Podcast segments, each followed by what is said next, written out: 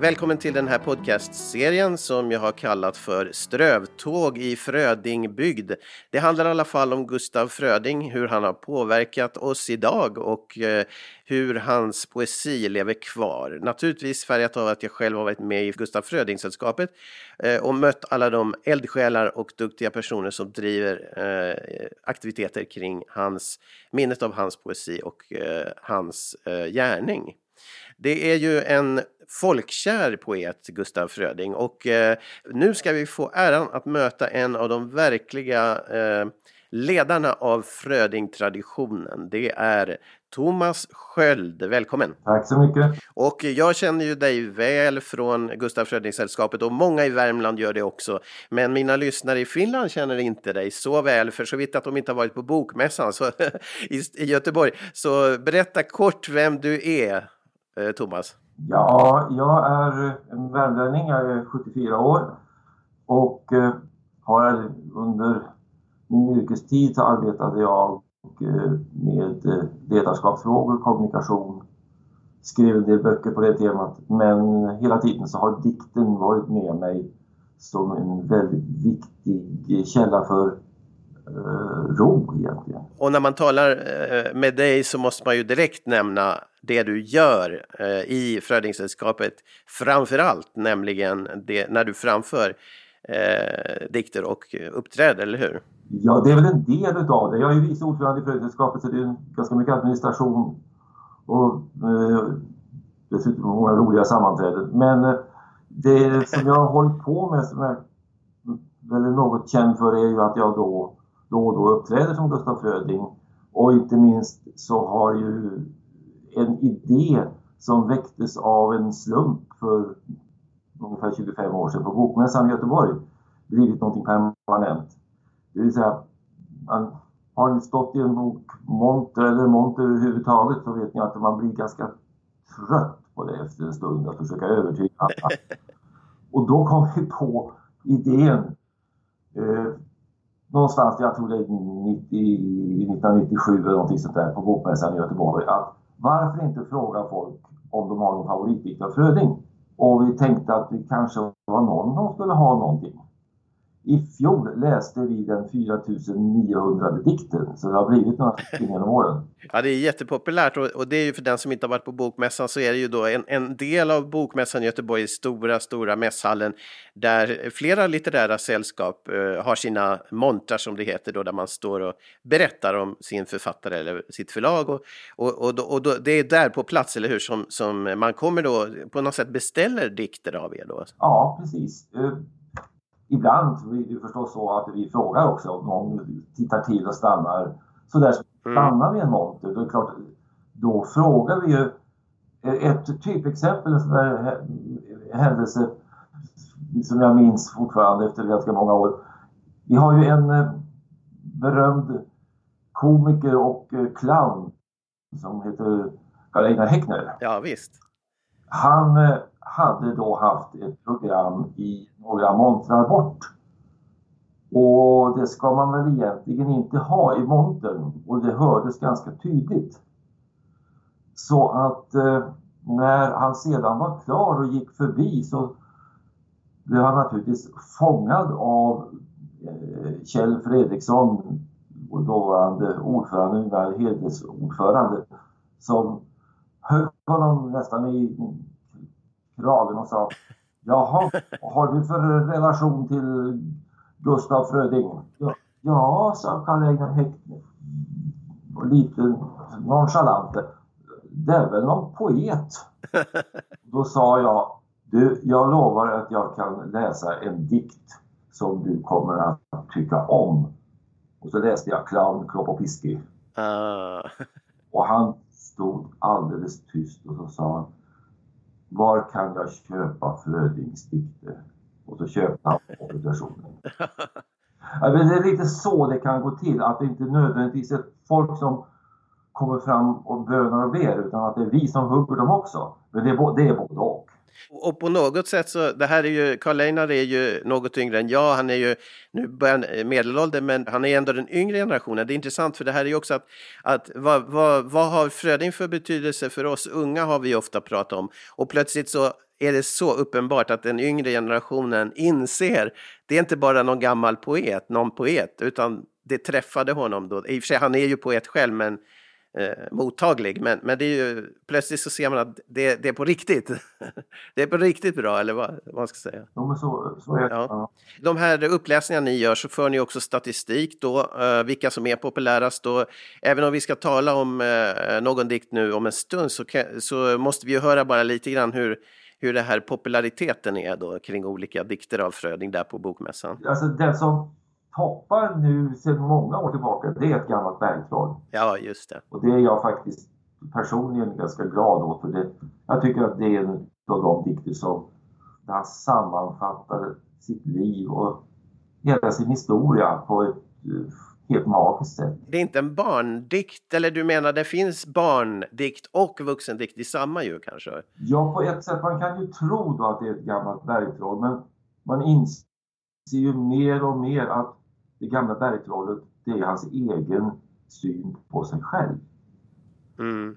Vi har en, eh, en tjej i vår styrelse som heter Malin Biller och hon har ju gjort ett seriealbum eh, med Gustaf Frödings dikter där hon eh, ett antal dikter finns exakt återgivna och sen är det då hennes serierutor ord för ord så att säga. Och ett gammalt bergtroll där är det alltså inte ett troll utan det är Gustav Fröding som är trollet. Gustav själv, ja. ja. ja.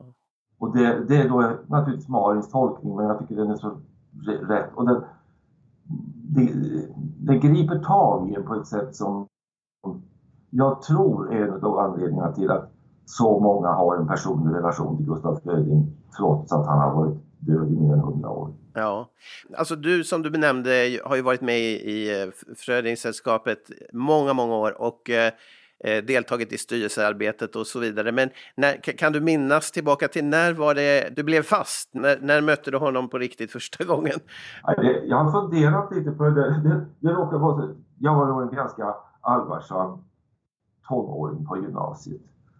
Och, I Karlstad då. Och mm. av en händelse som jag idag är väldigt glad åt så eh, började, när jag läste en dikt jag tyckte om så skrev jag ner den i ett litet poesialbum. Aha. Och jag har alltså tre sådana album kvar bevarade. Och där kan jag alltså då se vilka dikter det var som jag först fängslades utav. Aj. Och det är rätt kul. Det där, jag var väl kanske 16-17 år när jag började skriva på det där.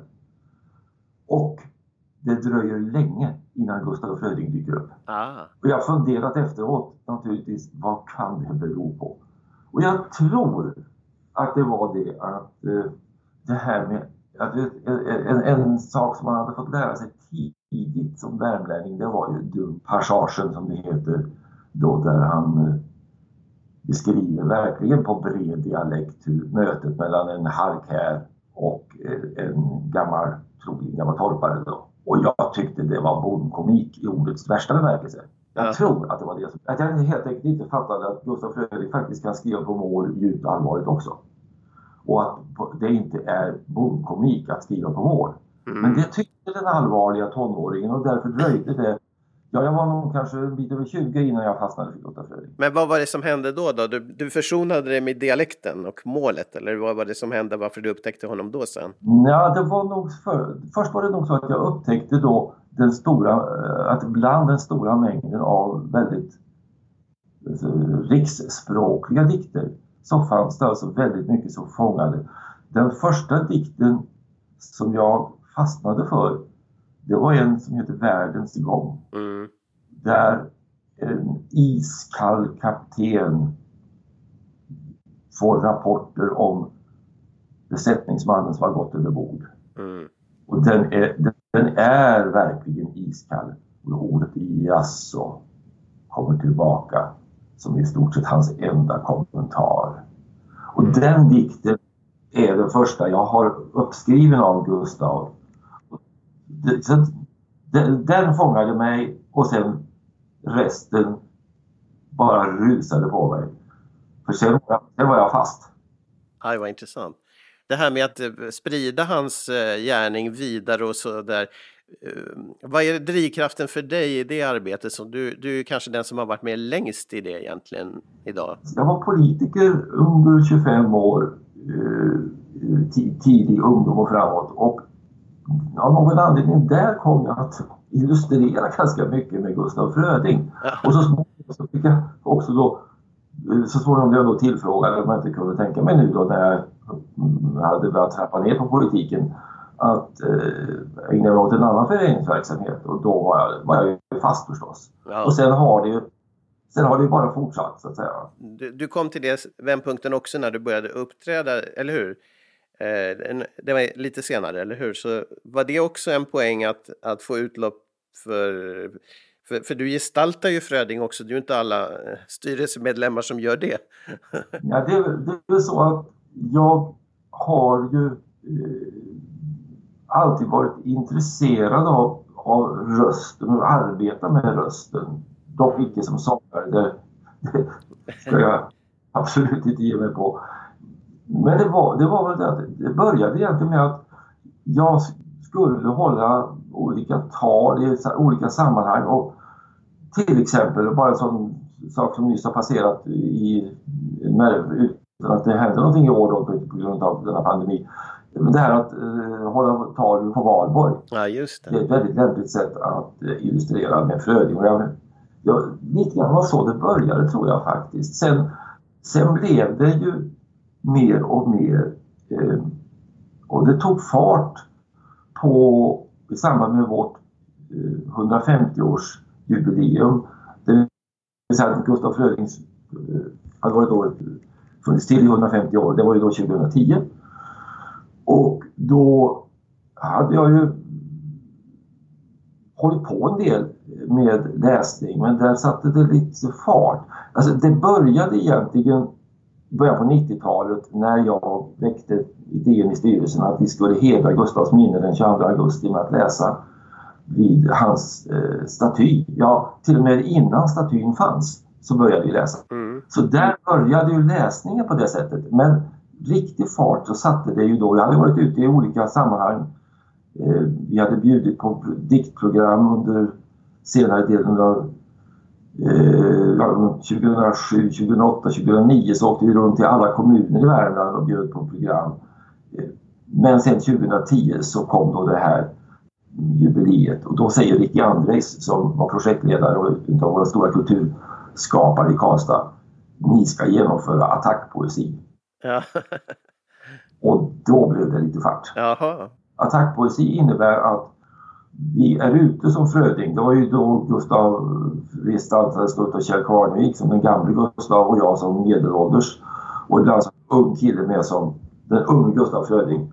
Eller också gamle Gottfrid Granström som gärna uppträder som den unge Gustav. Det gör han fortfarande, den härlige Gottfrid. Mm. I alla fall så, då gick vi alltså på folk. Vi var ju Radio Värmland i direktsändning, men det visste de ju om att vi skulle överraska. Ja. Vi, vi gick runt på gator och torg vi gick på tåget från Göteborg, det hoppade vi på i Säffle. Kjell började längst bak och jag började längst fram och som jag läste för alla eh, som ville eller inte ville höra på. Ni attackerade alltså folk med poesi då på, på det viset? Ja, precis. Har det fortsatt den verksamheten då? Förutom bokmässan där ni kanske går på lite snällt men i alla fall? Har ni gjort attacker tid senare också? Nej, vi, vi håller ju den här traditionen stenhårt med, med eh, den 22 augusti. Det gör vi. Mm. Sen är det eh, egentligen mest den 6 juni. Där har vi ju sen, eh, ja det är ungefär samma tid, jag tror det var 2008 i och för sig, men det var, men ungefär samma tid så började vi med det där. Vi har släkt i Oslo och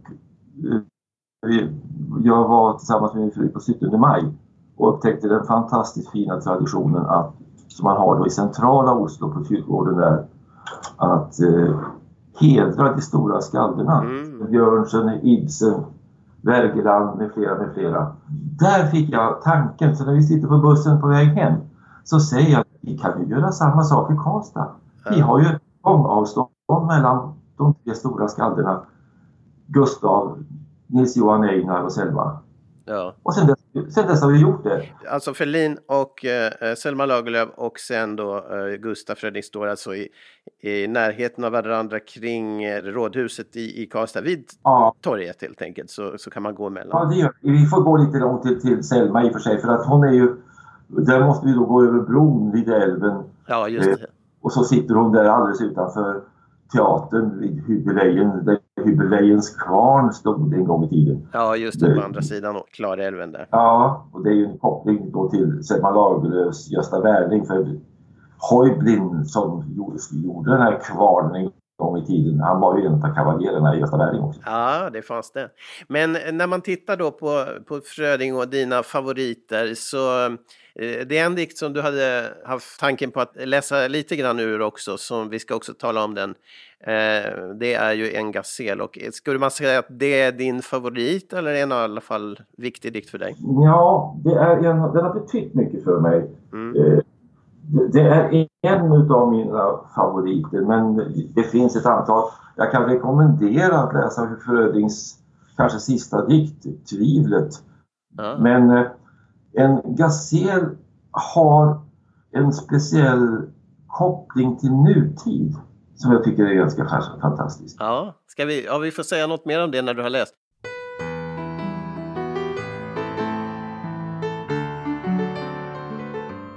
Jag står och ser på världen genom gallret. Jag kan, jag vill ej slita mig från gallret. Det är så skönt att se hur livet sjuder och kastar höga böljor upp mot gallret. Så smärtsamt glatt och lockande det ljuder när skratt och sånger komma genom gallret.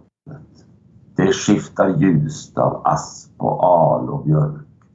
Där ovanför står branten, furumörk, den friska doften tränger genom gallret. Och över viken, vilket präktigt sken. I varje droppe är en ädelsten. Se hur det skimrar härligt genom gallret. Det vimlar båtar där och ångare med hordmusik och muntra sångare och glada människor i tusental som dragar ut till fest i berg och dal. Jag vill, jag vill, jag skall, jag måste ut och dricka liv om blott för en minut. Jag vill ej långsamt kvävas bakom gallret. Förgäves skall jag böja skall jag rista det gamla obevekligt hårda gallret. Det vill ej tänja sig. Det vill ej brista. Ty i mig själv är smitt och nitat gallret. Och först när själv jag krossas, krossas gallret.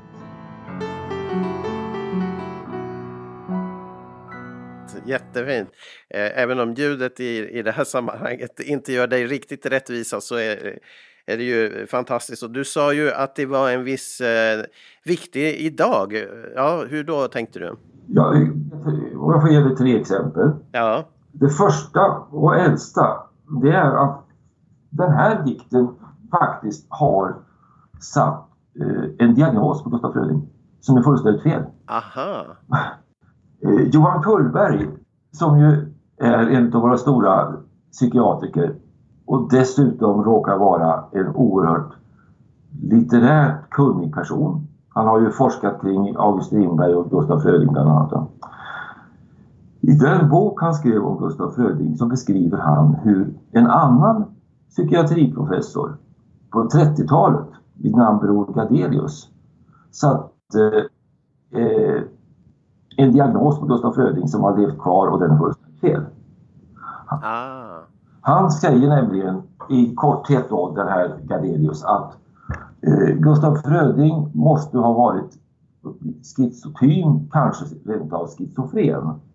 Det visar han i dikten En gasel där han på just en schizofrens sätt, som att tvångsmässigt upprepa ord, så upprepar han tvångsmässigt ordet gallret. Det är väl poängen med det där versmåttet i och för sig. Då. Exakt. Det är ju ett persiskt versmått där man skall upprepa ett ord. Och det visste inte den lärde psykiatriprofessorn. Så att det har ju tagit fäste då det där? Ja, ja visst. Precis. Mm. Det, det, det, det första. Det, det andra. Det här är kanske den dikt som mest av alla för mig är kopplade till vad Gustav betyder idag för människor.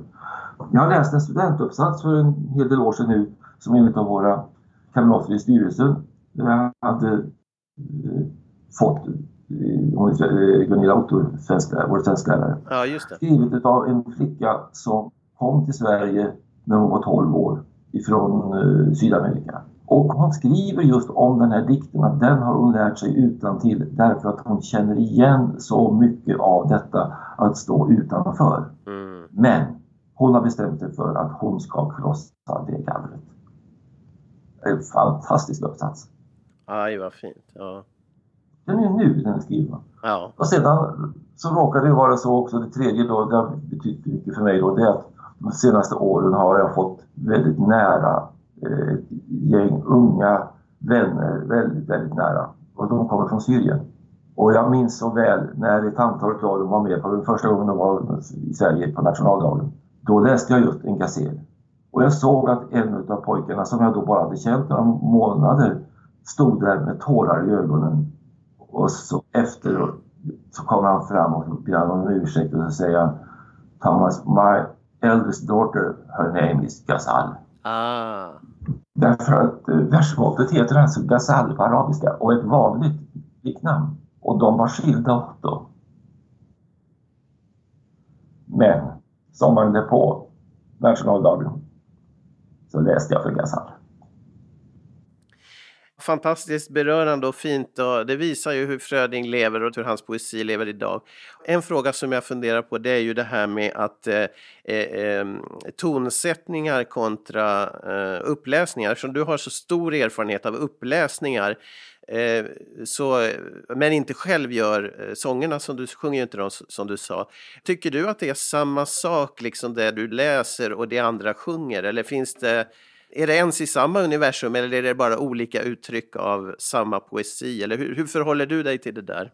Jag kan säga, numera säger jag att det finns fyra sätt att ta till sig poesi. Mm. Det ena är att du läser tyst för dig själv. Det andra är att du hör någon annan läsa. Det tredje är tonsättningen. Och där satt jag länge punkt, ända till dess att jag läste Malins bok som jag pratade om förut. Ja. Det är det fjärde uttryckssättet. Det fångar...